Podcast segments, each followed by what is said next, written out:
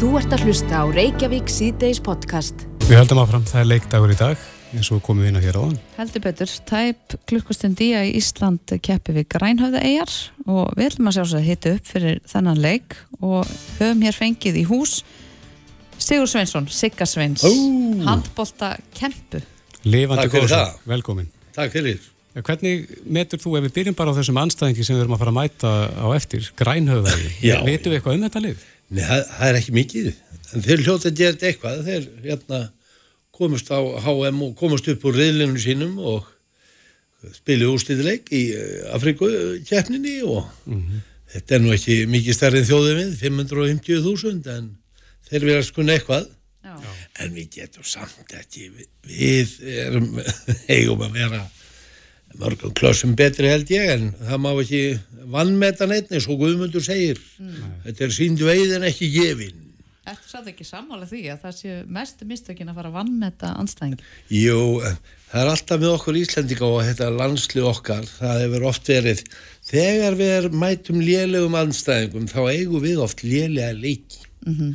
Svo öfugt þegar við mætum þessum sem eiga að vera sterkari, þá komum við með almenlega spraut og sínum stjórnuleik. En við erum aðtúa, við erum þetta með, það er nú auðvelt að velja liðið í dag því Elvar Örni veikur og Ólaður Guðmundsson er farin heim.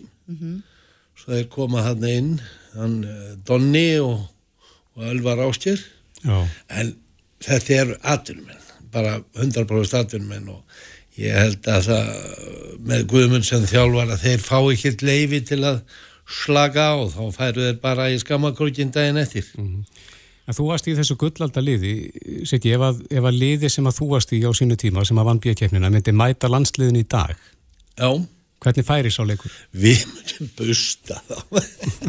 Ekki allt í lægi ekki bara það, þeir, eru- þeir eru svo litlir allir hjá okkur það er enginn yfir 1.90 Þið, þið voru allir svona, eða flestir voru- frekar háast. Já, já, alveg frá 95 og upp í 202 og ekki Já. síðan gils, ég held að hann að vera hæðstur á okkur. Er ekki Viktor Gísli, hann er yfir tveir. Já, hann er markmaður. hann 204, markmaður, já. já, Telja þeir 202. ekki með? Það eru sérstakar típur. Já. Mjög. Ok, þið höfðu hæðina en mynduðu hafa snerpuna? Nei, ég efast þú. Það var aldrei öðru sér þá að uh, þeir, þeir æfa tvisar á dag með sínum félagsliðum og svo er landslið. Þegar það má segja Bobo Conrós eða Bótan hann hefði byrjað svona að breyta hugafari okkar gagvart hvernig á að æfa svona upp úr 86 og hérna í framhaldinu þá hérna hefur þetta byggst upp og við hefum átt ótrúlega mikið atvinnumennum og eigumenn, ekki bara í Evrópu og Þískalandi, Norðurlöndunum og alveg ótrúlegt hvað, hvað hefur komið út úr þessum drengjum öllum. En, en fyrir 86, var þetta þá svona... Þá var þetta meira hobby. Já, einmitt. Það var eftir þrísar í viku og spilaði einu sinni í viku og svo svona þegar við, það var alltaf ótrúlegt að við, þetta er bara einhvern veginn í blóðun í hákur, alveg frá því frá upphæði. 61, þá voru við held í fjóruðarsetti eða 50 einhverju HM og þetta hefur fyllt okkur síðan og mun gera held ég bara þetta er, þetta sker, það býður ekki upp á meira, við erum að æfa inni og, og ég held bara í gegnum árin hvað krakkarnir hafa hort upp til handbóltamanna og gert sér grein fyrir hei, ef ég ætla að vera atvinnumæður í eitthvað þá er mest í möguleikin í handbólta. Er þetta komið í erðaefnið okkar? Ég held að, sveimir þá. Já. Ha. En það er einum leik lokið sem var að ljúka, þú varst að fylgjast með honum hérna fram. Já, já, það var bara koma óvart. Portugalar unnu hérna, einsmark sigur á Brasilíu 28-27 og voru hefnir. Já, Þeir bara skoruðu sigumarkið þegar mínútu var eftir og Brassarnir hefðu ekki þetta jafna leikin en ég er ekki að segja að það hefur skipt okkur miklu máli. Það er betur ef Brassarnir taka stiga múti ungvari. En þetta er ekki flókin staða. Við erum hérna svíþjóð með fjögustig. Við komum þar og eftir með tvö og ef við vinnum okkar leikið þá förum við áttalega úrslit. En ef við eins og er staðin í dag ef Svíjar vinna okkur og Portugal og Ungverja þá er þessi markatala milli þessar að þryggja liða og þá fara Portugalarnir á undan okkur. En hver bjart sín er þú um áttalega úrslit? Ég, sko, við erum alveg við erum að fara að vinna í dag fyrir eitthvað létt. Við erum bara að taka á þessu í fyrri hálfleik og svo geta rúlað hinnum mannskapnum sem hefur spilað lítið undanfarið. Svo vinnum við Brasilíu líka þótt að Brasilíu séum með hörku lið við erum bara með það mikla breytt og annað í dag. Er hún meir í dag heldur en oft áður? Já, hún er meiri held ég. Og við erum svo mikið af svona góðum mönnum sem uh, hafa þetta góðan leskilning og geta lesið boltan eru góðir skotmenn. Ég er ekki, ég er ekki alveg sammála það því að sko, við erum eftir að toppa ennþá sko, þráttur að hafa spilað þessar leikja sem eru áttu... ég er ekki opuslega ánæði með alla þessar leikja sem við erum átt. Nei, það er bara liðið í heild og ákveðni leikmenn þeir eiga eftir að toppa. Og ég held að það gerist á föstudaginn og að þú fer bara yfir svona metur Svíþjóð Ísland bara hverja stöðu fyrir sig ég held að við sé okkur aldrei tapa fyrir þeim. Aldrei. Nei. En Svíagrílan, hún hérna lifði góðu lífi á meðan að þú varst. Já, mjög, ég man ekki eftir ég hafa unni þess að helviti stjöfla einu sem ég aftefli það. Já, en það er, það er liðin tíð.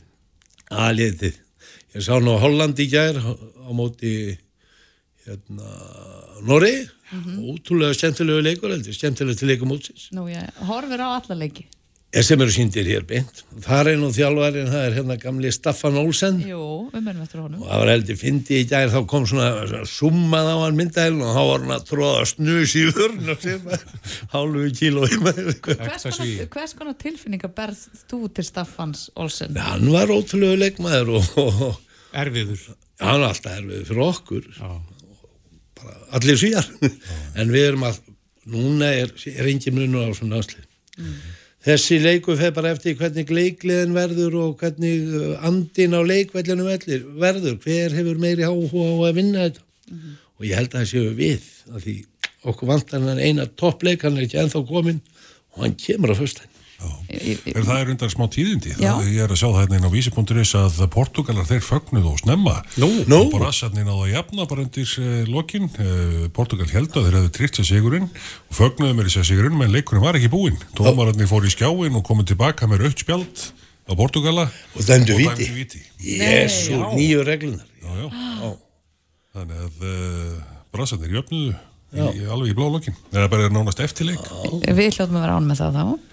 Við erum ánað með það, já, já, já, það er mér langaði svo að fá að spyrja hérna, út af því að eins og fótbolta menn sem hætta að spila hittast svona og spila fótbolta svona old boys já, uh, eru þið ekkert að gera það, gullaldalið handboltans? við gerðum það, við erum bara orðin aldrei gamlir sko. við erum komin í Við erum konið í þessi liðskiptu og annað sko. Já, þannig hittist bara í pottinum kannski. Við hittumst, við hittumst af og til en við erum náttúrulega mjög aktífir í að fara út á mótin. Já. Ég hef skemmtilega að fara á Evropamótin, það eru svona það er stærri leikir og það er til dæmis næsta ár, það er HM, nei, en EM, þá er riðlun okkar í munn sem verður geðvegt. En aðeins að þessum leik sem eru eftir, hvernig mun þinn gamli félagi Guðmundur Guðmundsson uh, spila þennan leik? Ha, eins og Eins og á móti Suðu Kórið? Nei, þetta, sko, ég held að þeir séu sterkari. Alveg rétt eins og Guðmundur sagði, hérna, grænhauðar eigar eru með betra. Þeir eru svona líkamlega sterkari. En ég held bara að við, hann hlýtur að setja upp leikina við byrjum á algjöru á fullu, sko. Tökum vörnina, ódýri mörkin og hraða miðju og verðum búin að klára þetta í fyriráleik. Já. Við hann að spila fleiri mönnum heldur en hann hefur gert? hann verður að gera það þegar við erum, ef við eigum góðan fyrirháleik og við erum þetta 6-7 mörgum yfir í háleik þá getur hann að setja rúsliðin á eins og þau sögðum í gamla dag Nei, ég held að það verði aldrei þetta eru bara orðnið svo það rútin er að strákar að þeir fara ekki að tapa þessu eða gera þetta spennandi Nei. það bara gengur ekki upp sko. þetta er ekki bara það það er svo mörgum líka sem þeir hafa aldrei upplifa ólimpíuleika þeir, þeir vita við verðum að komast í fyrstu sjö til að eiga séns á Fraklandi 24 og sumir kannski er orðin það gamlir að þeir geta þeir ekki ef þeir komast ekki þarna já, það er Björgvin Páll, hann og langelstur hann, markminn getur enda að spila til 60 En hann er að standa sig vel. hann er bara mjög, hann vekk bara nýtt blóð og Já. Er búin að sanna það að aldur er afstæður í þessu sporti.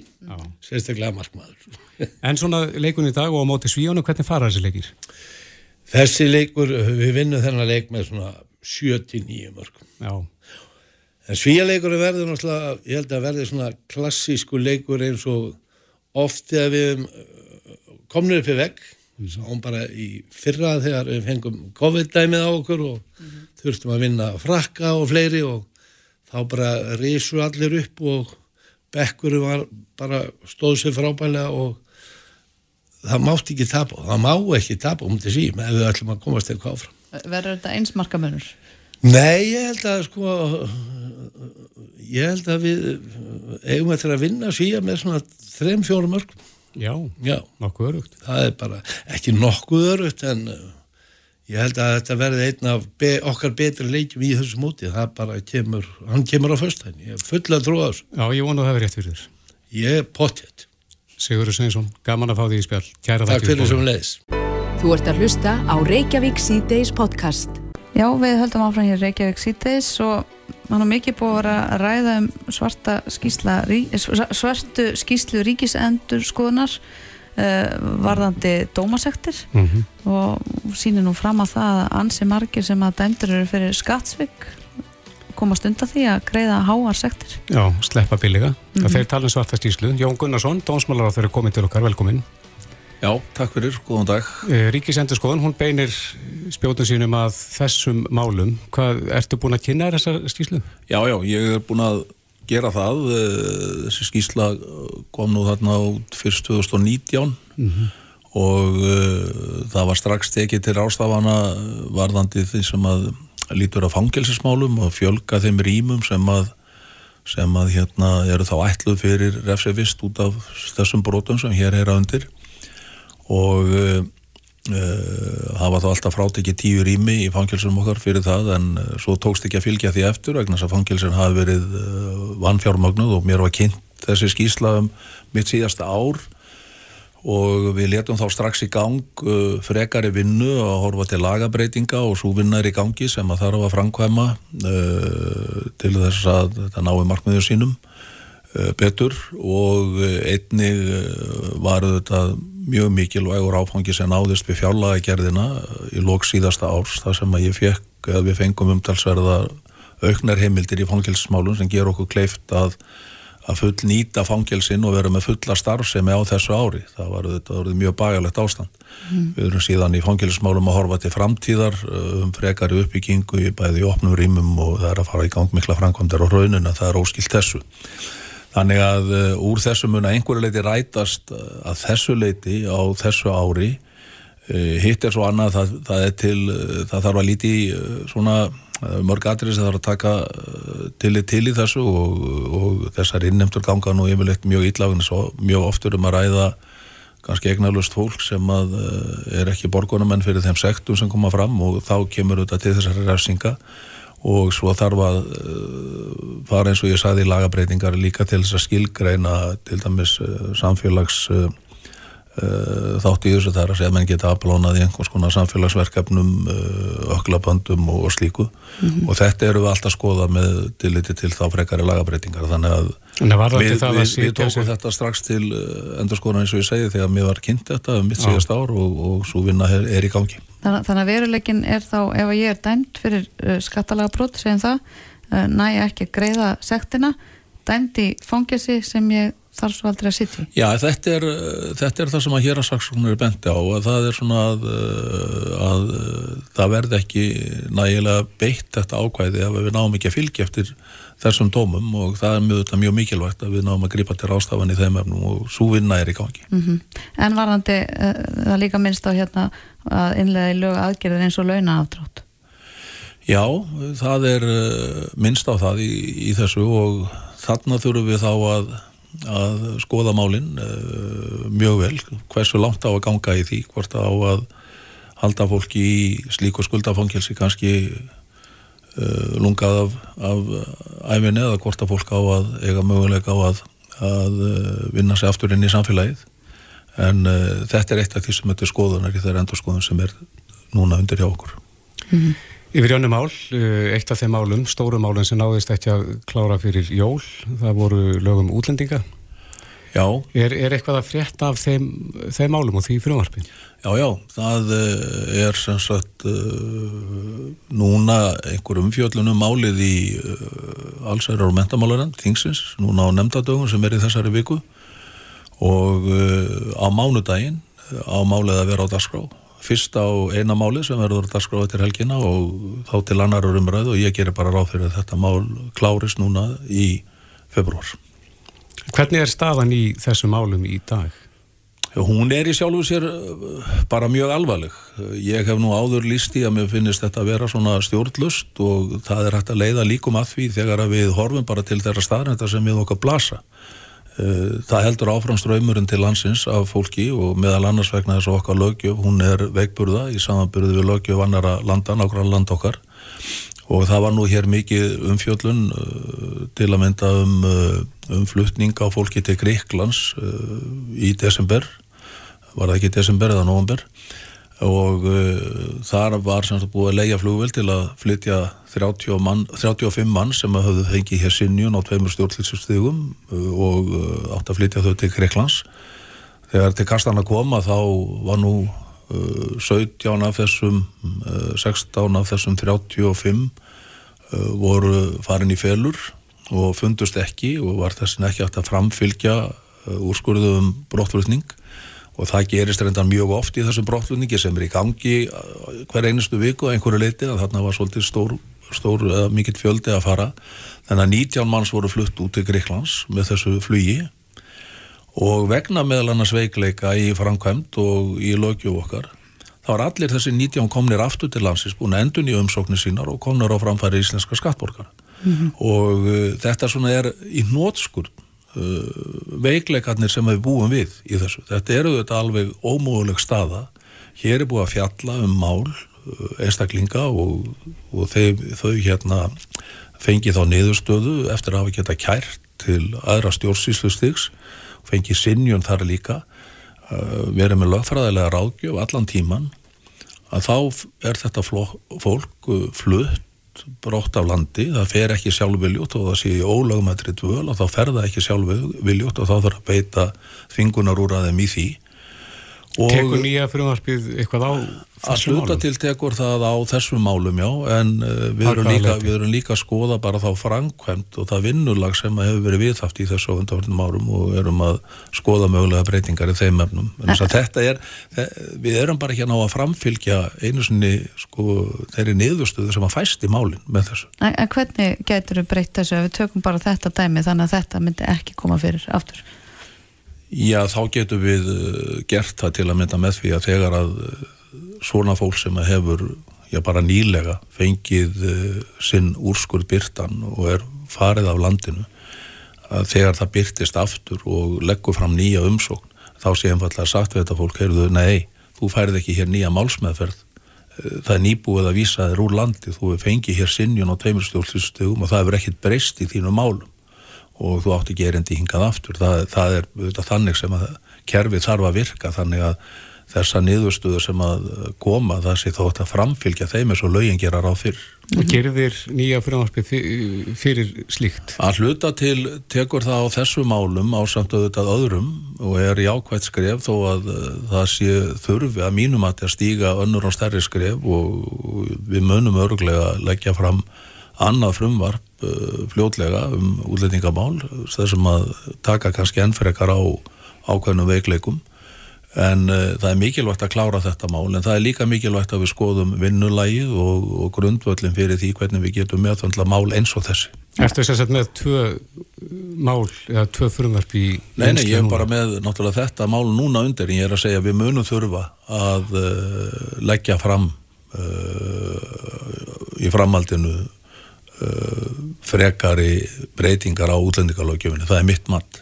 En ertu í þessar atrinu, ertu bjart hérna á að það náist sátt um Nei, ég er ekki björnsinn tillögur? ég er alls ekki björnsinn á það náðu sátt en ég tel að það sé meiri hluti fyrir því að afgreða þetta mál eins og það er í dag og um það er sátt uh, milli meiri hluta flokkana þó að vissulega sé sérstaklega innan uh, þingmannahóksvinstri grætna aðtóðasendur og, og fyrirvarar við málið að þá er ég mjög björnsinn á að þetta mál klárist núna í februar, loksins.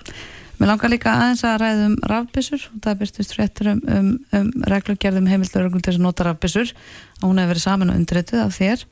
Um, Hvernig, er, eru núna rafbissur eða verða þær þá bara komnar til að vera? Já, við gerum ráð fyrir því við kollum þetta reynda rafvarnarvopn og það hefur verið mikið ákall eftir þessu frá já, bæði landsambandi lauruglumanna og lauruglustjórum og lauruglunni almennt Eh, við búum því miður bara við breyttan veruleika í okkar samfélagi og uh, það er auðvitað mikilvægt að við bregðumst við því með viðegandi hætti og uh, uh, mér er, hefur verið mjög ofalegi huga og er ofalegi huga í mínu störfum að tryggja öryggi starfsmanna, tryggja öryggi logjæslu fólksins og þetta er stór þáttur í því. Við erum því miður að horfa fram á mikla aukningu í slisatíðinni meðal lauruglumanna þar sem þeir eru vegna þeirra sem þeir eru eiga við. Og það fylgir því að auðvitað slis á þeim sem er verið að eiga við á hverju sinni líka. Við erum bara með uh, þessi mál uh, mjög ítrekkuð á, á síðustu missurum og uh, við þessu verður að bregðast. Reynsla annar að þjóða því að innleiða þessi rafarnavopn er mjög góð, hún dregur að því að talið eh, er jável alltaf 70% úr meðslum lauruglumanna við störf sín og 50% af þeim sem lauruglumenn eru eiga við. Það þarf, reynslan er svo að það þarf sjálfnast, mjög sjálfdan að grýpa til þessara vopna. Það er nóg að þau síðu til staðar og mér hefur fundist þér ákveðin miskilningur í þessari umræðu af hálfu sumra sem að tellja að þarna síðu við að kalla eftir frekari átökum og frekari vopnabæðingu. Það er alls ekki svo á mínum mati og þetta kemur enga megin í staðin fyrir þá áherslu sem að ég er að leggja á forvarnir og öðru leiti í afbrotum og þeirri vinnu sem þarf að fara á stað og þarf að ná nýri skólakerfið. En koming til þetta greina að hafa þetta tilrönaverkefni, hún Margret Valdemarsdóttir afbrotufræðingur var hérna í bítinu bara rétt eftir áramót að tala um tveggjára tilrönaverkefni í Noregi þar sem þá bæði borgarar og lauruglan svona vennjast þessum nýja veruleika. Já, já, þetta geta menn alltaf af numið þessa reglugerð ef það gert breytingar á henni ef að menn kjósa að gera svo í ljós einhverja reynslu, ég menna það er eh, neðan annarkvort tökum við þetta í notkun eða ekki og ég sé ekki hver bunurinn er í sjálfu sér á tilrunaverkefni eða bara þeirri staður en það lauruglunni er heimilt að, að bera þessi vopn og við munum gera rástafanir auðvitað sem að þegar er undirbúið og er í undirbúningi núna, það verður gerð grafa um mikla þjálfun og, og uh, hérna þannig uh, innleitar mjög stránga reglur eins og, gegn, eins og gilda í dag um valdbyttingu í lauruglu. Þetta er bara hluti af því og við munum fylgja því mjög stíft eftir og það er alveg ljóst að við munum ekki ná að manna all lauruglilið okkar hérna á einni nóttu í þessum efnum. Það mun taka, þetta mun eh, vera verkefni sem þannig aðlagast inn í lengri tíma, ég veit ekki hvað maður á að segja, 12-18 mánuði eða eitthvað slíkt. En uh, það er mjög mikilvægt að við, eh, við séum komin á staði þessu og, og ég get alveg séð fyrir mér að, að þetta verði komið að einhverju leiti í nótkun svona þegar það fer að nálga sumar eða um sum, í sumar eða eitthvað slíkt. En þetta er ekki óumdelt og þetta er mikil breyting. Það er talað um að það hefði þurft að ræða málinn frekar? Já, ég gerir mig grein fyrir að þetta er umdelt og, og hérna en umræðan hefur svo sem farið fram og það þarf ekki annað en að fletta fréttum á síðasta ári að þá var þetta engin skyndi á hverjuna minni hálfu. Ég hef ég held drúan hluta síðasta ári að þá hefur þetta oft verið til umræð og ég hef oft komið inn á það að þetta sé í undirbúningi ráðunetun í skoðun, við séum að skoða reynsla annar að þjóða og undirbúningurinn sé þannig í gangi að því að gefa út þessa reglugjörn. En þarf að ræða þetta betur í þinginu? Eh, já, ég er tilbúin til að ræða þetta eins og allt annað í þinginu hvena sem er. Þannig að það er hægt að snúa þessu við ef svo byrjundir? Ég, það er bara alltaf ákvörðun á hverjum tíma sko hvort þú breytir þessari reglugjör aftur og, og hérna uh, hvort að það verður í minnitíð sem dónsbálar og það er einhvers annars en, uh, en undibúningur okkar er á fullu miða við þessa reglugjörð -hmm. bæði að undibúa þjálfun og, og mentun lauruglumanna í þessu og, og hérna uh, undibúa kaupin á þessum tækjum. Já, það er hansi mikið á þinni konnu. Ég veit það nú ekki En ef mér reiknast rétt á áttunum bara cirka einn og hólan mánu eftir starfi? Já, það var einhver verið að nefna það, já, ég hef ekki fengið einskilabóðum það frá þeim sem að því ráða, það eru þetta þingflokkur sjálfstæðarflokkin sem að tekur á móti til og forma sem það hvernig að verða ráðara skipt í þessum flokki. Er þú ekki að undirbúa brottur? Ég er ekki undirbúa hana, ég er bara að vinna mína vinnu. Já, eitt kannski rétt í lokin, Jón, af því að við rættum hérna um daginn við Kára Stefansson eftir að frétti bárust á því að sænska rannsóknarstofan sem að rannsaka lífsíni sem að koma hérna úr sakamálum hér Já hefur nógu á sinni könnu með innlend mál og ég heyri það að, að vinslutímin á þeim sínum er svona 6-8 vikur í dag. Kári segist geta afgriðt þetta á þrejum dögum. Já, þetta var bara mjög áhugaverð innleggið þessu umræðu og ég er þegar látið taka það til skoðunar. Og mér finnst það bara jágætt að við getum unnið þetta innanlands með undir þeim skilurðu sem að um svona rannsóknir eru settar. Og þetta þarf að uppfylla þau skilir sem að sett eru og, og gilda um, um slíka rannsóknir. En ég efast ekki um að Kári veit hvað hann er að tala um í þeim efnum efast ekki neitt um það. Og, og mér finnst það bara mjög jákvæmt ef það er að gera þetta innanlands með bæði miklu skjótari málsmeðferðar raða og, og jáfnvel sparað okkur einhver kostnað. Með það. Já, eh, segjum þetta gott í dag. Jón Gunnarsson, dómsmálaráður takk hjálpa fyrir spjalli Takk sem leðis Þetta er Reykjavík C-Days podcast mm, Já, já, þetta var lokalag Ármáttsköpsins, Frábært. frábært lag. Já, og líka frá, frábærlega framsett. Já. Þau unnu þetta lag eftir uh, skoðanakonun, var ég það mest að sagt. Jú, jú, ég var mjög skilst það þessi bara heilaga sannleikur að það var skoðanakonun Gallup sem mm. réði þessu lagi. Eða að við landsmenn fengum að velja þetta lag. Já, þannig að mjög vel hefnað en uh, við ætlum hins vegar ekki að staldra lengi við áramáttsköpið uh, við erum búin að kissa síðast ár búið og bless. Mhm. en það er eitt sem að við konur þurfum að, að lifa við og það er breytingaskeiðið og sumir eigimenn líka lifa Já, ég held að það sé nú margir eiginmenn uh, dætur, sinir Mhm. frængur og frændur þetta, þetta hefur áhrif á hans marga held ég Já. þetta er svona missvæsið Já, og menn eru farin að tala um það að kulnun til dæmis geti stafað eitthvað öðru heldur en eh, endilega kulnun að það geti verið hormonatengt Einmitt. Það eru sestar hérna hjá okkur Bergþóra Njála Guðmundsdóttir og Steinun Sofuniasdóttir. Það eru stjórnarkonur í FEIMA, fræðslufélagum breytingarskeið. Velkomnar. Takk, takk fyrir. Er ekki nokkuð til í því sem Kristófur er að segja varandi kulnunina? Er einhverju fleiri svona einhver ástönd eða sjúkdómar sem á tengja einhvern veginn við breytingarskeið? Það má eiginlega segja þessi kannski svolítið margar e, mismunagreiningar eins og það kallast. Að þegar konur finna fyrir ákveðnum enginum þá er oft spurning hver er rótin að því, því ástandi sem er í gangi. Og þegar við erum að tala um enginni breytingarskeið sem geta verið ótal mörg alveg yfir 30 að talið er, þá er það oft mjög mörg enginni sem líkjast öðrum til dæmis ekki, breytingarskeið er ekki sjúkdómur, en til dæmis eins og vefjagikt, kulnun eins og þú kemur inn á og líka bara eins og þunglindi og kvíð og gikta sjúkdómum jöfnvel. Og svo veit ég ekki hvert ég megi nefna það núna til dæmis hérna, þátturinn í gærum, implöntin, brjóstaimplöntin. Það eru bara ekkert ósvipið enginni og, og hérna við erum að ræðum í þessum tilfellum. Og þetta er líklega svona stafar að því að, að ónæmiskerfið á einhvern hátt er að bregðast við einhverju í líkamannum, breytingum eða öðru. Er fagfólk farið að viðurkenna þetta meira í dag? Breytingaskeiði? Já. Já, kannski þessi viðtakari einkenni breytingaskeiðsins. Ég ráði að tala um kannski mest hit og svitakófin, konur hætt á blæðingum og það var það svona helstu einkennin. En, en í dag bara vitum við að estrogenið okkar sem er það sem fyrir mest á flögt og lækkar eftir tíðakvörf að það finnst nánast í hverju frumu líkamans viðtakar við estrogeni þannig að þegar estrogeni lækkar svona mikið þá bregst allur líkamann við. Þetta er ekki bara kynfærasveð okkar, þannig erum við með að tala um heila, hjarta og æðakerfi, húðin okkar, efnaskiptakerfi sem verður svolítið undilagt og er að aðlagast þessum breyttu aðstæðum. Og þess vegna tala ég alltaf um að breytingarskeið sé aðlugunarferli sem að líka með þarf bara að laga sig að breyttu hormonumagni. En, en kemur þetta svolítið aftan á okkur út einmitt, hitt og svitakóf, það er klárlega eitthvað sem ég mann eftir úr minni barnæsku, vandi móðu mína og ég held að það væri breytingarskeiði.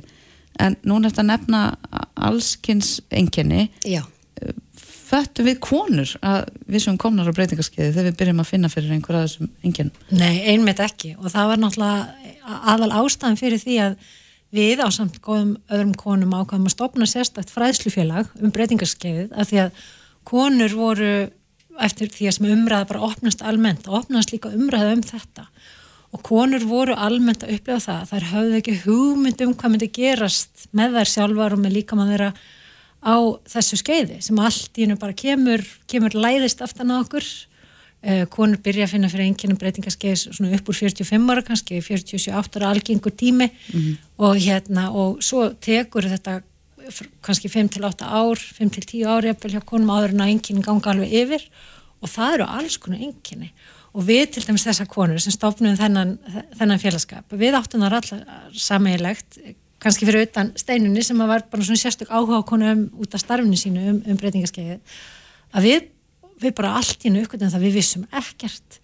Þið veitir maður fær kynfræðslu í, í grunnskóla maður fær fræðslu um hvernig maður á alveg batnin sitt, það er bæklingur á heilsugjastlunum, hjarta og æðasjúkdóma og alls konar svona, en það er hvergi neinar upplýsingar um breytingaskeiði og á þeim tíma sem við stofnum félagi fyrra eh, sem var í 2021 eh, hitti fyrra núna þá hérna þá voru engar upplýsingar að finna til dæmis inn á heilsuveri um, um breytingaskeiði Mm. Sem er einn helsti fræðslu vefur hvað ég segja íslenska ríkisins eða helbriðskerfisins um, um helbriðsmál almennt. En konur eru upplifa allt í einu, þær sofa ekki heilan svepp, þær eru með liðverki þær eru með hjartsláttartrublanir og þetta veldur því að þær eru að fara til heimilisleikna og út um allt og fá alls konar greiningar jafnvel.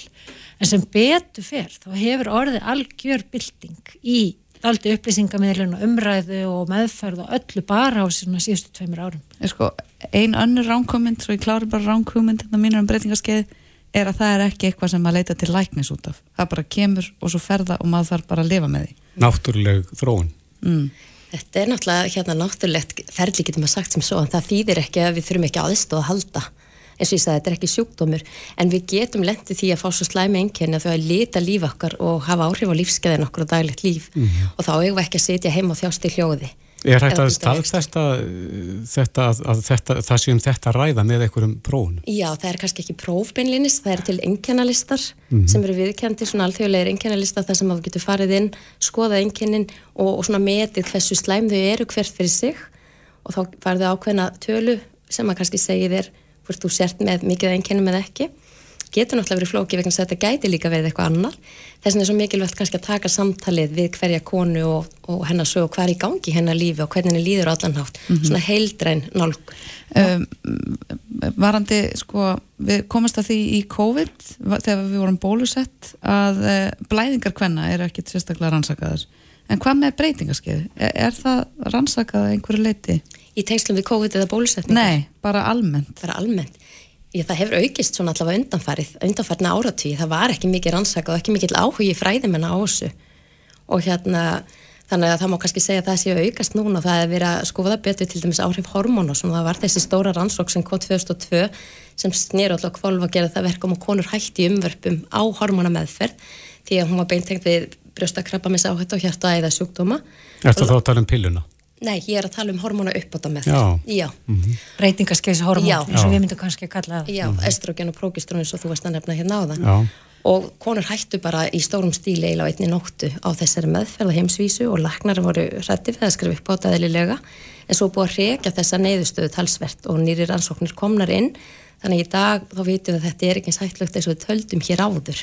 Og þess vegna kemur kannski þessi bylting svolítið inn núna að konur vilja einhverja meðferð við vanlíðan sinni. Og þá verður einmitt pendullin kannski fyrir hann svolítið í hináttin í staði fyrir að vera í einni hlið þar sem þátt alls ekki nota hormóna og vilja allir prófa og nota hormóna. Og Þannig að við erum svolítið stödd þar, kannski þurfum að finna jafnveið. má kannski bæta þið við að það hafi náttúrulega líka síðan komið fram svona eiginlega ný generasjón eða kynnslóð hormóna sem eru taldir skaðminni eins og til dæmis áður var þetta tekið í töfluformi estrogenið fyrst og fremst.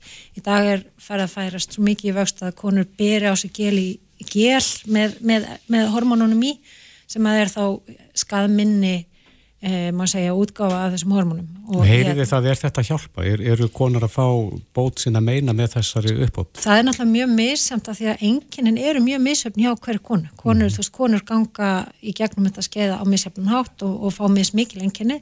Það tala um að svona 25-30% af kon- konum upplifir mjög mikil engini sem hafi veruleg áhrif á þeirra líf og til dæmis hefur e, e, bresk, bresku læknir sem er verið með, með mitt að fá til landsins og mun vera með opin fyrirlestur á morgun á samt fleiri góðum uh, konum í hörpunni, við kannski nefnum það hans betur eftir en hún hefur meðal annars gert svona skoðað sérstaklega hvað áhrif e, breytingaskeiði hefur á atvinnuþáttöku kvenna.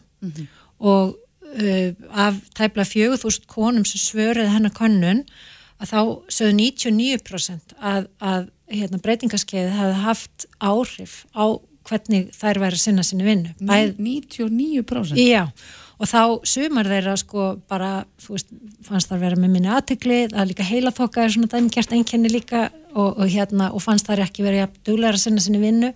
Stór hluti tók mingaði starfslutfall og svo er alltaf einhver hluti hvenna sem bara beinleginist þetta út af atvinnumarkaði af því að þær fá ekki bót sinna að meina hvað þetta varðar mm -hmm. og uh, Louis Newson, þessi læknir sem við erum að tala um hún hefur meðlans bent á það að þetta er sérstaklega skarilt fyrir heilbríðskerfið því það er stæsti hluti e, e, starfsmanna konur mm -hmm. þannig að þetta er eitthvað sem þarf virkilega að, taka á því sjáu það ef að 30% hvenna fá mjög alvarleg enginni eh, breytingaskeiðsins þá getur það bara virkilega haft áhrif á atvinnu þáttöku þeirra. Já, ég, mér langar kannski að við getum þá bara verið samála um að þetta er ekkit sérstaklega góð hönnun á líkama. ég hlælu stundum aðeins vegna þess að við lifum leng, svo lengi í dag en við fyrir kannski að svipum tíma á hérna í gegnum tíðakverf áður þannig að við erum að lifa kannski 35 ár eftir tíðakverf með mjög lágt kynhormonamagn að því við erum fráseiminni búin. Og það getur haft náttúrulega alls konar áhrif á okkar heilsu. Eins og til dæmis eftir tíðakverjum þá hefst beinþýning hjá konum. Þannig að það er mjög mikilvægt að fara í beinþéttnumælingur og fylgjast með beinþéttninni sinni taka D-vitamin og kalk og reyfa sig. Og kjart og æðasjúkdómar aukast líka með aldrinum og þetta er eitthvað sem til dæmis hormónuppbáta meðferð getur fyrirbyggt að maður byrjar á réttum tíma fyrir sextugt. En hvað tegir breytikastæðið sig langt niður í aldri? Það getur farið allt niður í sko tvítugt Ha? Já, það er mjög sjálfgeft, það er kannski 0,1% en það eru svona 5% sem fara á tíðakvörfum mellir 40-45 ára aldurs og það kallast snemkomin tíðakvörf mm -hmm.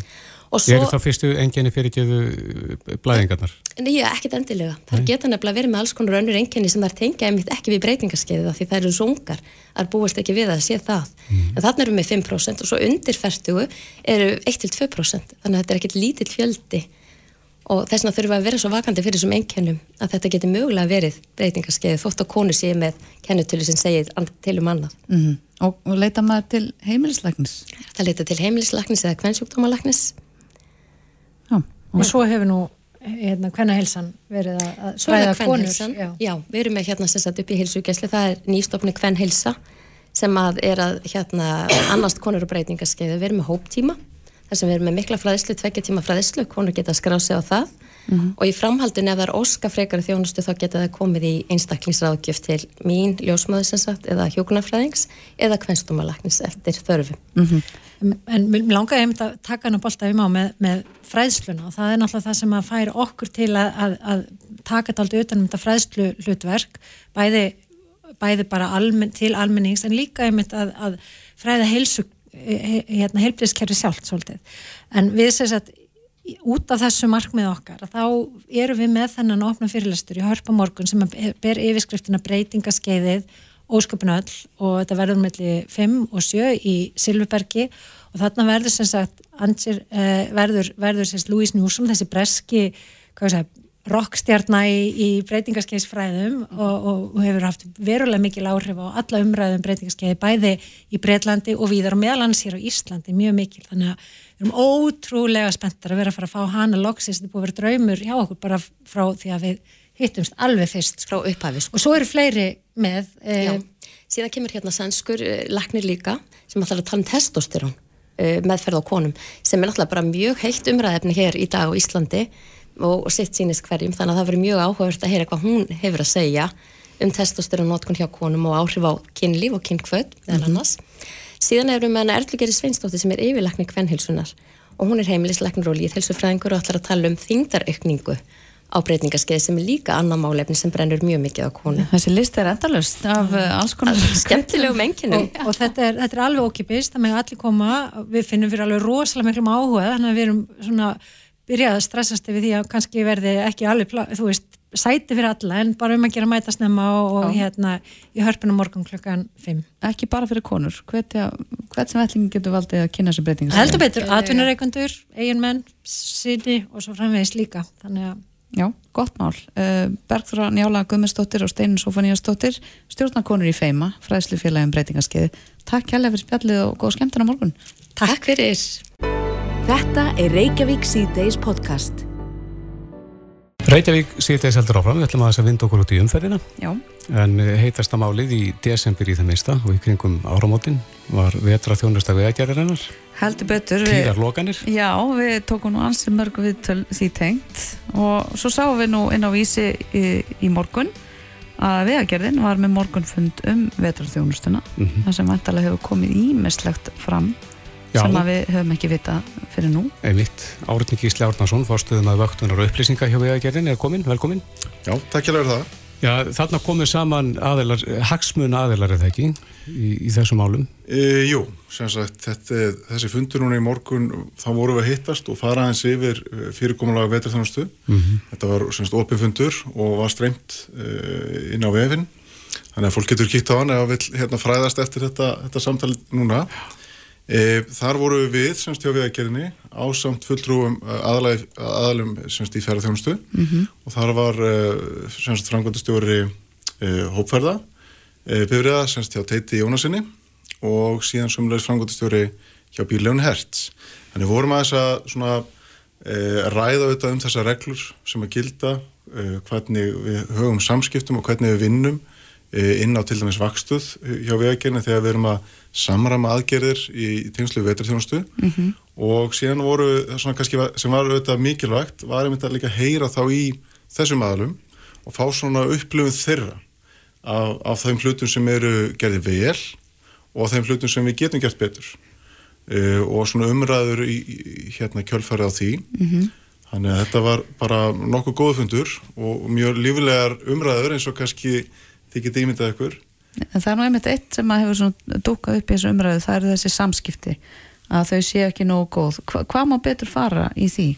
Ég held að uh, við getum auðvitað og við vorum sammála alveg um það og það var svona, sam, svona samhljómur í okkur öllum í dag var það að við getum auðvitað gert betur uh, varðandi upplýsingamiðlun og sérstaklega þegar við erum hérna á Suðvesturhóttuna sem er mjög umfyrra miklu vegir og, og ef að einhver, einhver rask verður á þeim þá er svo ofsalega mikil þörf fyrir upplýsingar. Mhm. uh, og ég eppil uh, í því meiri en á kannski fáfartana vegum að annars staðar á landinu.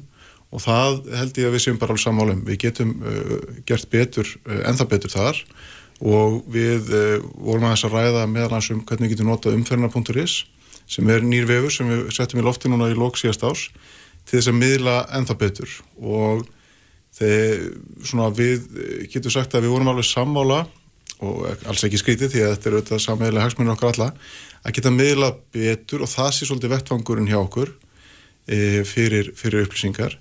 Og ef að kemur til lokana sem auðvitað eru einhvern tilugum óhjákamilegt og það er auðvitað bara við til til öryggis sem að gripið til þeirra rástafana að það sé reynd að upplýsa eins fljótt og mögulegt er hvenar staðan verður endurmetin eða hvenar við teljum líklegt að opna.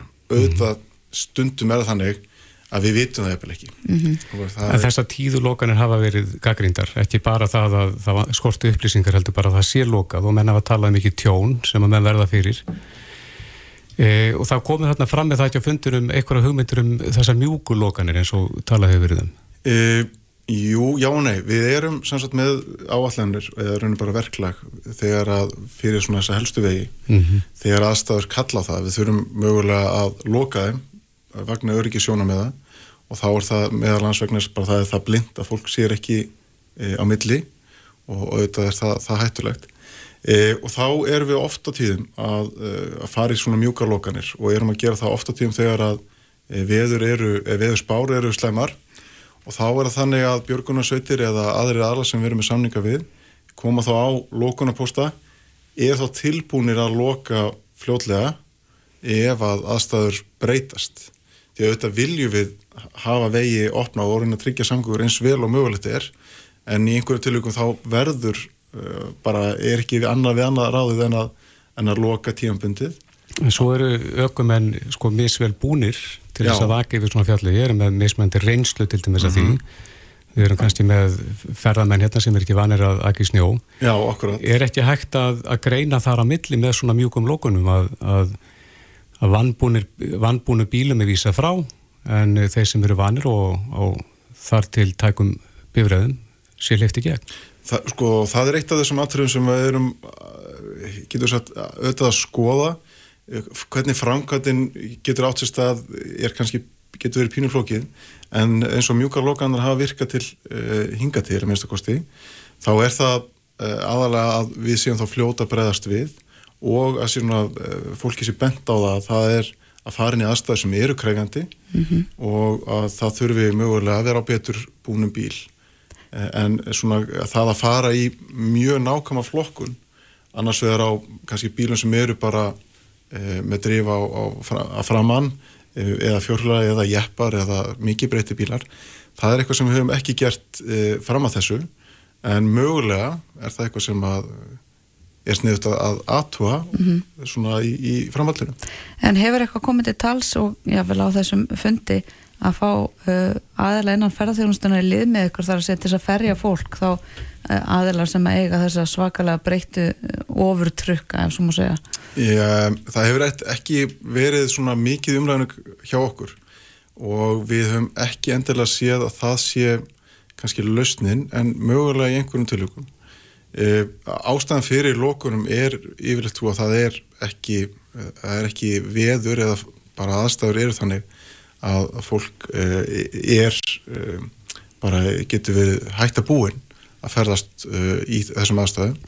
Og við sjáum bara eins og til dæmis við varum í bandaríkja núna í lók desember þar sem að fólk lendi nú heldur betur í vandræðum og, og fólk var að festast og bara satt lengi fast vegna þess að björgunar komist ekki til þeirra. Mm. og við erum auðvitað með mikið af ferðamennum og auðvitað bara mikla umferð sérstaklega hérna á suður og, og suðvestur hluta landsins þar sem við viljum auðvitað forðast að, að lenda í þannig aðstæðum að bíla séu fastir og festist og jafnvel að þau eru mikla aðstóð því að það tefur líka mikið fyrir.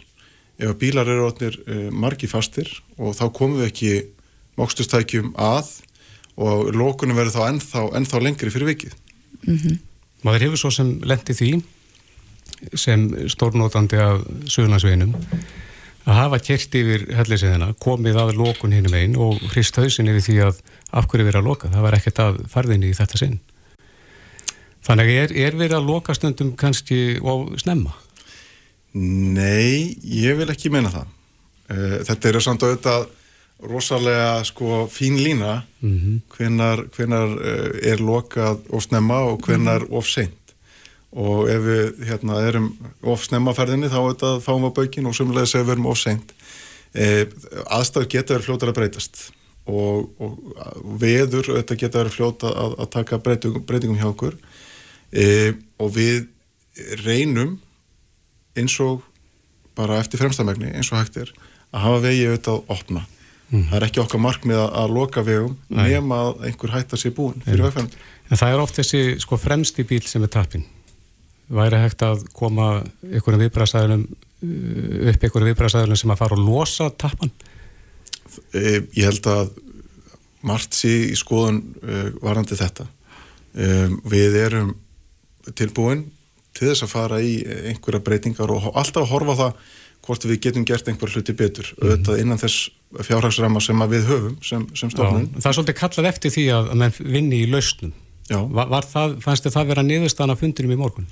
Ég heyrði allavega, við vorum mjög sammála með mjög margt og, og það er auðvitað þessu upplýsingamöðlun e, hvernig og hvort við getum eitthvað tekið e, þessa þróun áfram varðandi lokanir hjá okkur e, varðandi upplýsingar varðandi til dæmis stafsningu lókunarposta og til dæmis var aðeins rætt um það stundum eru er við lengi að komast á lókunarstaði Eh, okkar hlið eru kannski langt frá og við tekur einhver tíma að komast og þá eru ansi margi sem geta verið að komast inn á svæðið og, og festa sig og, og, og þannig skapa hættu mhm. fyrir sjálfna sig og aðra.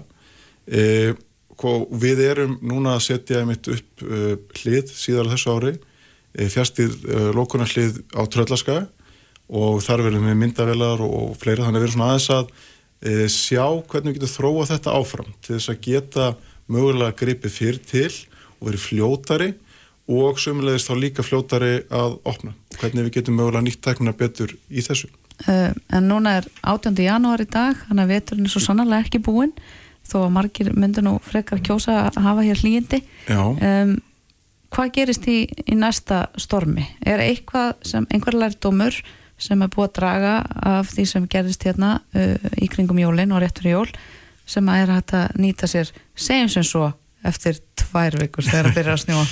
Já, eh, við auðvitað hérna vonum að, veðri verða okkur hliðholt en eins og segir, þá er vetur. Og vetur á Íslandi þýðir yfirleitt einhvers konar snjókoma og kvöldi og frost. Eh, Við erum auðvitað búin að skerpa á ákveðinu hlutum í okkar verklagi og það er kannski aðalega varandi þessu upplýsingamíðlun eh, sem að við getum breytt og við getum breytt í tiltölu að hratt. Eh, Þannig að ég held að það, það sé auðvitað okkar áslur núna við eigum vona því að fá niðurstu þessum starfshóp eh, vanandi Reykjanesbröðina núna fljóðlega ég held í, í þessari viku. Og þar verða líka einhver verkefni sem við hérna förum yfir og förum þá að forgansa það bara hvar, hvar við viljum byrja og hvar við getum byrjað. Og ég bara get fullisa ykkur um það að við hjá veginn erum tilbúin í allt sem heitir að, að gera hlutina mögulega betur ef við getum og allt sem við getum gert inn þess fjára sama sem við höfum og e, vonandi verður einhver e, breyting á, á, fjár, á fjárhagsama okkar til þess að við getum mögulega að þróa þjónustuna ennþá betur. Mm -hmm. Já, hugsilusnum, það er allir ánæðið með það. Árni Gísli Árnarsson, fórstöðum að vöktunar og upplýsinga hjá vegagerðinni. Kæra þakki fyrir komin og gangi ykkur vel í þessu verkefni. Takk kjærlega fyrir það.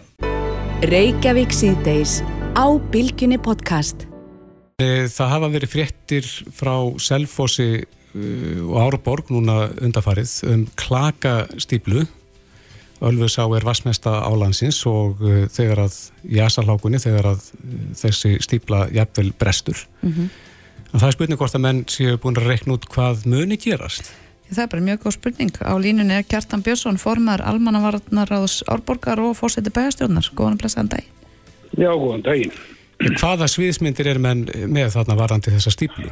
Já, það er fyrst til að nefna vegna þess að við lifum á þannig tíma að, að við þurfum að gæta okkar á því að, að við ekki ekki óta mm -hmm. með einhverjum ofurviðbröðum en, en það er ynga síðu þannig að við verðum að gera ráð fyrir að eitthvað geti gerst sérstaklega eins og í þessu ástandi sem núna er að eldstu menn muna vart annað eins í, í söpnum ís og klaka á áni og og þegar elstu mennur farnir að tala þannig að þá verður við náttúrulega að koma saman og, og samhæfa viðbröð mm -hmm. og þess vegna bóðum við til fundar á, á þriðdagsmorgun í almannavarnaráði Árborgar og fengum til fundarins þá aðila sem til er að viðbræðinu hér á okkar svæði, lauruglu og slökkulið og björgunumsveitir og starfsmenn sveitafélagsins sem er náttúrulega að vinna þreikvirki þessa dagana við að undirbúa ef eitthvað gæti gæst og þeir eru að, að færa til snjó í kringum svona göturnar við anna og, og búa til þannig að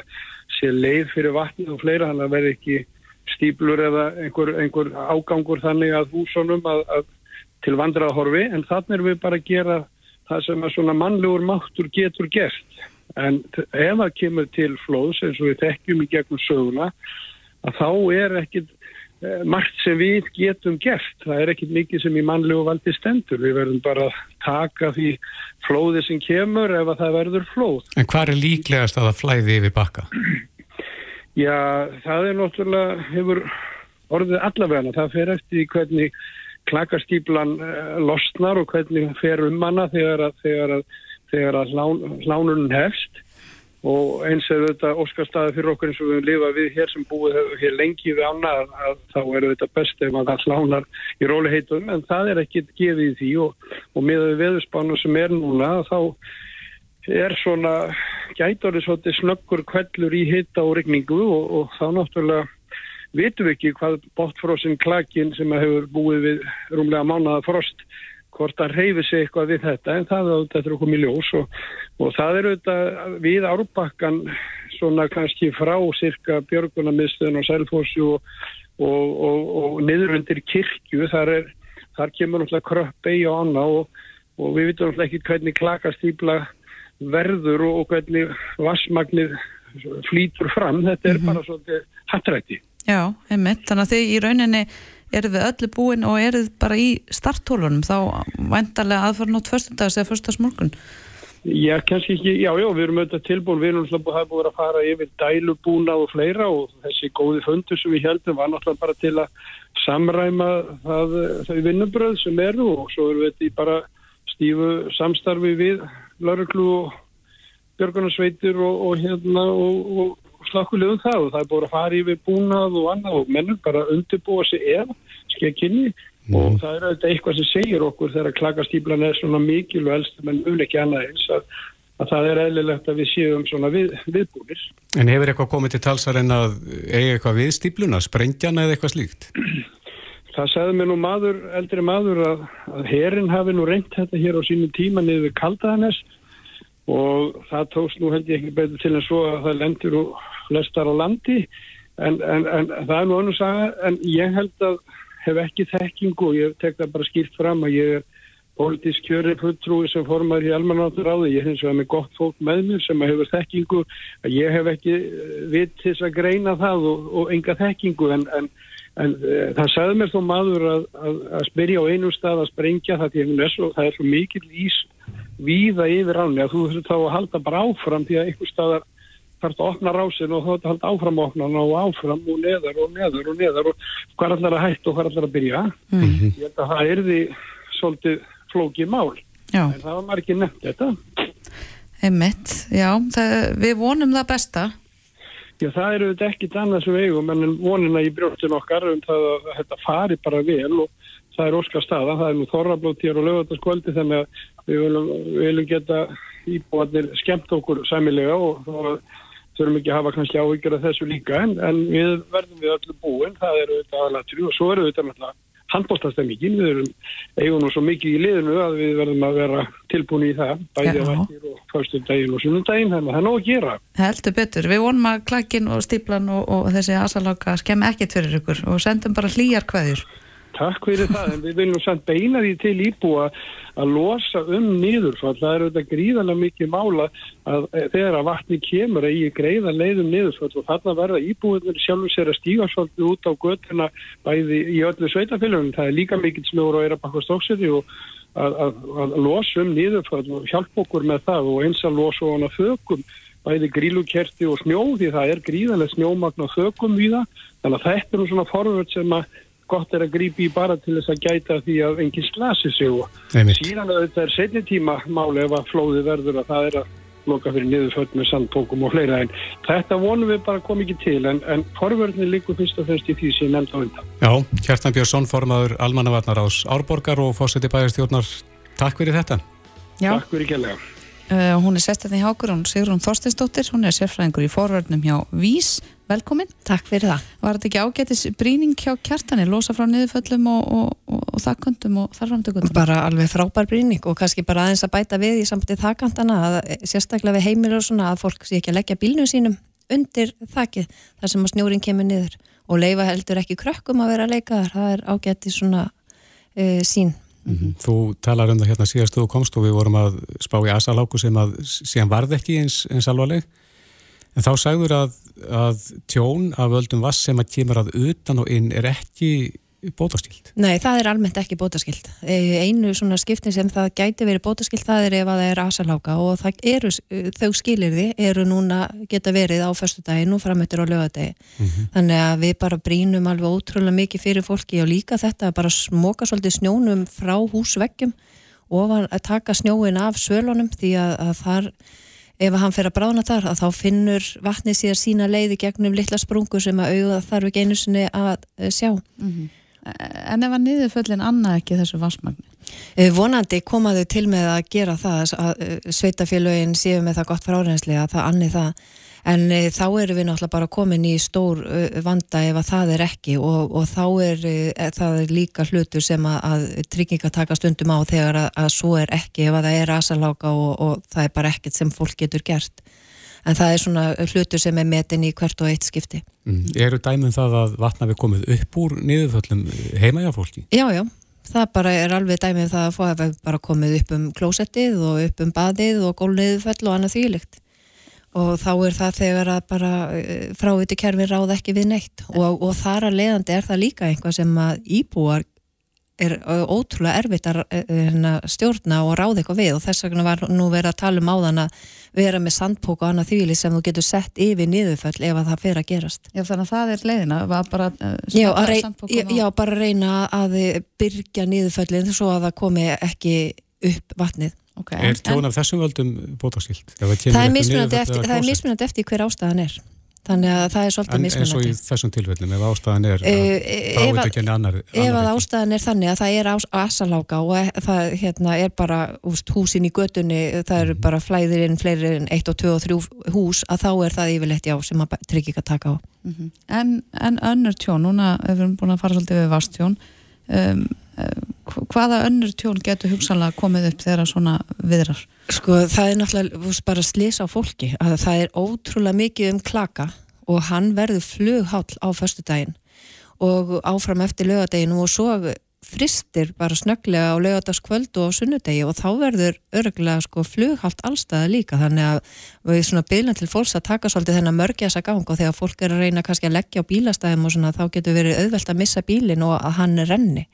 Svo erum við líka í sumarhúsum bara til dæmis í morgun strax í morgusárið voru komið tvö tjón bara uh, það sem að var verið að tilkynna vastjón þessi frísilögnum og svo byrjar að leka út frá því og það er eitt sem við sjáum að, að það er örgulega má búast við því að það séu sumarhús. Það sem er frósilögnum engin veit af því, svo fyrir að hlína þá byrjar að leka. En meira en hefur gert hingað til. Við erum alveg með nokkuð tjón það sem hefur frósið í lögnum, lagnir gefa sig og byrjar að leka. En það má alveg búast við því að á mörgu stöðum er frósið og það byrjar ekkert að leka fyrir hlínar núna á festæg En uh, frjósa lagnirna þá inni? Eða hva, Eh, hvar verður frostið Ég, mest? það, það er mismunandi, það getur alveg frosið inni í húsinu, stundum er þetta á milli ef það eru tvö hús, til dæmis svona geimsla og svo aðalhús að þá stundum frísut þar á milli sem er þá minna mál vegna þess að þá er það utan dyrra en það er alveg, lagnir eru að, að frjósa og þess vegna er líka alveg svakalega mikilagt að fólk skrúi fyrir neysluvatni þegar það yfirgefur sumarhúsin sín. Mm en, en þannig að þeir sem hafa ekki gert það ætti að reyna að komast í sumarhúsin á morgun? Að að fara á föstudaginn og, kíkja og við höfum líka sjálfsir áhugjur á pöllunum í sumarhúsum þar sem að, pallar eru ekki fljótandi, þeir eru á stöplum. Og þegar að snjórin eins og fyrir Östafjall, það er rosalega mikill snjórðar, þegar að hann blotnar allur að þá er alveg má búast í því að pallar fari að síga og, og gefa sig sko. Og það sama höfum við verið að sé á þar að við erum alveg komin með tilkynningar um það kanta sem hafa bara gefið sig út á snjóþunga. Er algengt þegar við erum að tala um hálkusleis að fólk slasist við það að standa sem stíðu upp á bílónu sinum? Já, veist, það er alveg bara allavegana veist, að, þegar að, fólk er að fara út úr bílum, inn í bíla er bara að lappa á gangstéttum og það eru klaka búnt og stundum er þetta svolítið svona uh, svört uh, hálka þú sér þannig ekki alveg þannig að það bara tak, minga svolítið skrefin, taka mörgjasa gangin og, og hérna og fara vallega á þessum dögum á föstu dag, lögadag, sunnudag og, og, og með brotta. brottar eru náttúrulega algjörsnild og, og brottar er eitthvað sem að fólk uh, ætti að nota miklu meira en er gert í dag og, og á þessu dögum er náttúrulega bara alls ekki að vera á einhverjum blankskóm Nei. að vera á gróbotnuðum skóm og kannski bara ekkert vera mikið á ferðinni en maður þarf, þarf þess ekki Nei, allavega þá að nota brottana ef að þú ætlar að, að vera úti það, það, það skiptir miklu máli Einmitt. Já, þetta er ágætis undirbúningur fyrir helgina Já, Sigrún Þorsteinsdóttir, uh, sérfræðingur í forvöldin hjá Vís, takk fyrir komina. Takk fyrir mig Reykjavík síðdeis á Bilginni podcast. Já, ég veit ekki með þig, Kristoffer, en þeir eru svona snjór yfir öllu og við höfum hérna í von mikla vætutíð. Það er ég ekkert mikið að spá í janúar í hvernig ég vil hafa garðin minn næsta sumar. Nei, ég bara, það kvarlar ekki mér. Nei, En ámar að gera það núna? Mér skilst að það sé ekki vittlust. Allavega ef marka má hann Björn Jóhansson, landslagsarkitekt hjá Urban Beat sem er sesturinn hjá okkur. Velkomin. Já, takk fyrir það. Eh, Er það svolítið eigum að vera að spá í þessu núna þegar allt er út í snjó og Sko, ef það ætli í framkvæmdir, sem eru náttúrulega mínar ær og kýr, að þá er ekki setna vætna því að það eru, það er ekki mörg slott eftir hjá mér sem að nást til þess að klára fyrir verktaka fyrir vorið. Að, en ef þú ert að hugsa þannasta sumar, þá, þá bara þú veist, er þetta að fara í röðina og, og slaka brá og gera ennþá betra þar næsta sumar En hvað ámar að vera að hugsa um núna varðandi garðin? um, sko, náttúrulega mínir kunnar til síðustu 10-20 ára Mhm. að þeir eru ekkert að hugsa um þeir eru bara út í garði þeir eru í heitapottinum, þeir eru undir skílinu að elda í úteeldúsinu Þeir eru að í guðbæðinu Já. og, og út í smáhísinu Mhm. Þannig að þetta er orðið svona framlegging af heimilnum hans.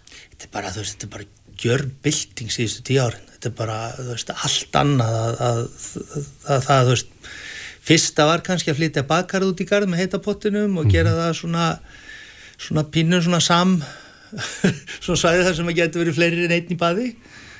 Og svo er bara bæst við þetta og, og svo þegar að reglum um til dæmis smáhísi var breytt að þú máttu fara að vera með 15 fermetra hús út í garði á þess að það þyrti mikið leifi annað en frá nágrunum að þá opnast bara heil heimur af, af tækifærin til að nota garðin en þá meira. En þarf maður ekki að yfirbyggja bara allan garðin til þess að geta nota allan á sér sving? Það hefur gert. Það er alveg, það er til til dæmis eitt hús í Mósusbæ sem er svona eins og eins og glerskáli með íbúðar einingum inn í. Mm. Og er þá hægt að opna þakkið? eða? Já, ég ekki kynnt, ég bara séð þetta í sjónvarpin en þetta er svona, þú veist, það er sérstök loftun og en, en það er bara eins og að vera á Hawaii allan á sér sving. Já, yfir, yfir byggður garður. Já. En það er vantilega tískuströymar í, í þessu eins og öðru. Hvað, hvað er svona aldingast ef við bara lítum á síðast á sumar? Hvað er, hvað er fólk að gera? Sko, uh, það er náttúrulega þegar ég kom frá Svíþjóð fyrir fjórum árum þá kom ég með þessa skemmtilegu hugmyndum kampaðinsvekkin Já, sem að er í raun og veru bara venjulegu vekkur sem er aðeins breyðari í góðri hætt til þess að leggja frá sig kampaðinsglas eða snittur. já. En ég myndi segja að það sem að hefur svona verið gefið í að það eru gufuböðin. Ég er að teikna miklu, miklu fleiri gufuböðin í garðanum núna heldur en áður. Eru það svona þá infrarauð gufa eða, eða þurrgufa? Líka, en það er yfirleitt bara svona kassi með steinum sem þú hendi Já. vatni á og allt klætta innan með einhverjum hugulegu við, byrki, byrki við eða, eða svona hitta með höllu við. Já, þannig að það er, það er svona tískubildja sem að þú metur núna þessa dagana, það eru guðuböðin. Já, ég, ég myndi segja að það væri það sem hefur svona komið svona hvað mestinn, sko. Það Mhm. voru, eða það eru spurt mig fyrir í fyrra eða fyrir tveimur árum, þá voru það köldubótanir Já, en, en klárlega guðuböður núna. já. En er algengt að fólk vilji svona viðhalds fríangarð? Allir. Það vilja allir það? Allir mínir kunnar, þeir vilja, þú veist, þeir eru ekki að fara út í gard til þess að reyta arfa eða Nei. skafa eitthvað drastlur hellum eða bera meira áeldur eða þurfi, þannig að það er, það er bara, þú veist, þeir sem er að leita til mín, þeir vilja fá viðhaldslaust svæði Mhm. sem er nánast eins og íbúðin inn í það. Er þá fólk að losa sig við gras til dæmis? Vill losna við sláttur? Eh, nei, en það fær sér slátt úr róbot Já. og svo er náttúrulega hefur orðið ofbóðslega mikil framþróun í gerfigrassi Mm og ég tala nú ekki um sérstaklega fyrir leiksvæði því að það er þetta að stilla svo af hversu mikið dempun er með undirlægið hvort að þú veist að, að þú verður í lægi eftir að hafa dottið niður úr tveikja metra kastala eða hvort þú viljið hafa aðeins, harra, aðeins, aðeins harðara Þannig að fólk er að fara eh, að einhverjum hluta úr álveru grasi yfir í gerfugras? já, já, já, já, og þú veist og það er með púktólur og, Já, já. Og, og það er alveg svo náttúrulega þú veist, þetta gerfigras er bara geggjað þú getur lagt á þetta hangklæði og lagst í sólbað þarna og þannig að Þannig að fólk er að eigða talsverðum fjárhæðum í að gera garðin sinn svona heilsársgarð. Já, sjálfsögði, menna, sá sem á 150 fermetra embilshús, það er búið að hækka frá 40 miljónir upp í 150 miljónum á nótæm, þannig að þó að leggja 20-30 miljónir í garðin, tækja smá framkallalán og, og njóti sem ennþá betur, það er, þú veist, manni finnst það ekkit óeðlilegt, sko, með að við heldar pakkan. Ok, við erum búin að fara svona svolítið yfir hvað, hvað er búið að vera heitt, en er eitthvað sem er að fara að koma stert inn uh, næsta sumars? Já, um, það er náttúrulega alltaf erfitt að segja en það er svolítið gaman að því að það sem að svona ég er að testa núna í fyrra og þessu ári, það getur komið rosalega stertinn eftir nokkur ár og eitt af því sem er á teiknuborðinu núna það er spinningkofi Ha? Ha? Spinningkofi? Já, er að-. Já, ég, ég er með viðskiptavinn sem er að fara að setja upp smáhísi, 15 fermetra og þar ætlar hann að vera með spinninghjól því að hann vil bara geta farið að hjóla hvernig sem er Mhm. og beint fyrir fram að hjóli er útsýnisgluggi upp í esuna Já, já. þannig að hann getur sest þarna og, og hérna, svo þyrst ég að stinga upp á við hann þú veist, þegar það er skýta við þeirra þá sé svona sjónvarp sem að komi sjálfvirt upp og fyrir gluggan E er þú sjálfur að koma með þessar brjálega hugmyndir eða er fólk að leita til þín með brjálega hugmyndir? Það er eiginlega bæði og, en, en mér finnst voða gaman að fá svona fræ og vinna það svo áfram. Og eins og þessi sko, þetta hétt ekki spinningkofi þegar hann baði mig um það, hann sagðist bara að þú veist, vilja geta verið með spinninghjóli í kofanum, en þá breytist þetta í svona eins konar lítinn íþróttakofa þar sem hann er með þetta spinninghjól í, í helmingnum og útsýnisgluggan, svo erum við lóð hinnum einn og svo erum við með svona opnanlegt, svona eins og svalaopnun út á tartansvæði fyrir utan. Já, já. Þannig að þetta er svona... Þannig að þetta er svona lítil heimarækt. Já, ég meina þú veist, þetta er allt, þú veist, heitipotturinn hann á að minka blóðþrýsting og svo er það hérna gufubaði sem á að minka líkur á hjartáföllum og, og þú veist, og þetta er bara eðlilegt næsta skref. Mhm. En hvað segir landslagsarkitektin um þessu umræðu sem spratt upp síðasta sumar um villikarða? Það, er, það, það var ykkur umræðu um það. Já. Láta þetta bara eiga sig. Já, þá þarf ekki hönnuð. Nei. Það er, en, en þú veist, en, en svo, svona eins og ég segi alltaf, sko, fólk er alltaf að spyrja mig hvort ég er ekki í garð og ég er náttúrulega er að vasast í fullta görðum hjá Mhm. mínum viðskiptavinnum en minn garður er alltaf íslenska hálendið. Já. Þú veist, Það er nú ég, einn stór villigarður. já, þú veist, ég er bara, þú veist, hopp í eppan og upp á hálendi og þú veist, ef það er vetur þá tekið mér með gönguskiðin eða reyðhjólið eða og þú veist, ef ég geti tekið mér frí á sömri þá myndi ég bara verið í einhverju kofa þarna, þú veist, þrýfa klósett í einhverju skála í mánuð. Mm Ég, ég gerði mér ekki grein fyrir því, sko, núna hlustaðu tala, hvað garðurinn endur speklar persónleika fólks vel í rauninni. Út af maður lítur kannski á garð sem eitthvað svona aðskinin, svona stundum svolítið auka hlut, bara neratna bara, en hann getur rauninni orðið bara svona framlenging líka af sjálfum þér, sko, og þínum áhagamálum. Já, þetta er, það er þetta, þú veist, að íbúðin er alltaf að færast meira og meira út í garð. Og það er svo notalegt að, að geta, það er eins og einn sem ég teiknaði fyrir fyrir, þú veist, örugglega 20 árum, hann byði lítinn skála með rennuhurð þar sem hann gengur út í svona söðugarð, svo var ég að koma heimsækjan og fá að taka myndir og hann sagði, er þið bjössi, sko, svo er það bara þannig við komum heiminn á daginn og við opnum rennuhurðina á húsinu og rennuhurðina á skálanum og náum okkur í kaffi og svo erum við bara út í gardi. Þannig að þú veist, maður nær þess að búa til skjól í gardi sem snýr í söður og góðri tengingu við húsið og eitthvað skemmtilegt út í garðinum, þá er þetta, þú veist, ekkert, þú veist, þetta, og þetta er ekkert endilega þó að garðurinn kosti 30 miljónir, þá er fermetirinn ekki dýr, sko. En, en ok, við vorum að tala um brjálaðar hugmyndir að hann, en hvað er það brjálaðasta sem þú hefur verið beðin um að gera? Og hanna? Brjálaðasta? Eða svona flippaðasta? Óvænt? Já, sko, ef við fyrir aðeins aftur í tíma, þá var ég einu sinni beðin um að hanna risastóra tjörn umkringdu Stuðlabergi með foss á milli og þar var niðugrafi trampolín löngu áður en nokkur vissi hvað trampolín var og við hliðin á þessu öllu var ringlaga hestagerði til þess að hérna til þess að vera með hérna, þjálfa, þjálfa hesti sinn Þetta hljómar er svo vikinglótt og auglýsing. Já, þetta, ég ætla ekki að segja ykkur hjá hverjum þetta er það var og ég er ekki vissum að vunni í lott og heldur En, en getur maður komist upp með að gera garðina sælurreitt fyrir lítinn pening? Eða þar veit allt, þú nefndir það 30 miljónir á hann? Eða Já. kostar þetta allt formúr?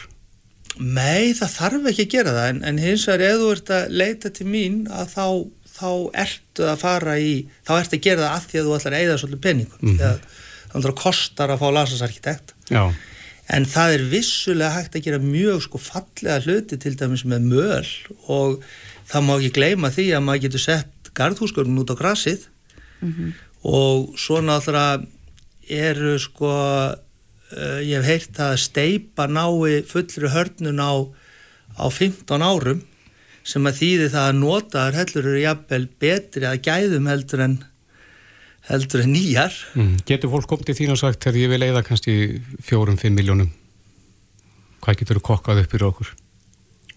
mm, það getur gert það og ég get gert það Mm en það stendur yfirleitt ekki sjálft við það því um leiðu verið að fara að stað þá er það já, en þessar flýsar í þessu garði, þær eru svo flottar og já, heyrði, getum við haft kaldan bótt líka og þá get ég náttúrulega ekki borðið ábyrð á því að, þú veist, að Nei. verkefni hafi stækkað og, og þá kostuðu meira Akkurat. Já, þetta er, þetta er skemmtilegt. Ég, ég, ég vissi ekki að ég þurfti að fara að hugsa um Nei, í janúar. en uh, ég vissum það að margir eru fattin að láta hugan reyka núna Já, og ég kannski langar að koma því inn uh, að ég las svo skemmtilegt blogg eftir því, Björn, inn á urbanbeat.is þar sem út að fara yfir ströyma á stefnu 2023 og ég mæli með því fyrir þá sem að vilja kannski kama aðeins dýpra og sjá myndir og svo leiðis. Fá hugmyndir það er líka fullt inn á heimasíðinu, þú veist, ég fullt af hugmyndu þar að fá, hvort sem að fólk, ég er náttúrulega næg ekki að sinna brot, nema brota brota þeim görðu sem að þarf að koma í framkvæmt, þannig að það er búið gaman ef einhverji geta veitt hugmyndir og nýtt sér af, af síðunum minni. Einmitt, já, ég held að þessi bara flott loka orð, Björn Jóhansson, landslags, landslagsarkitekt og Urban Beat, takk kærlega fyrir spjallið. Takk sem leiðis. Hlustaðu hvena sem er á Reykjavík C-Days podcast.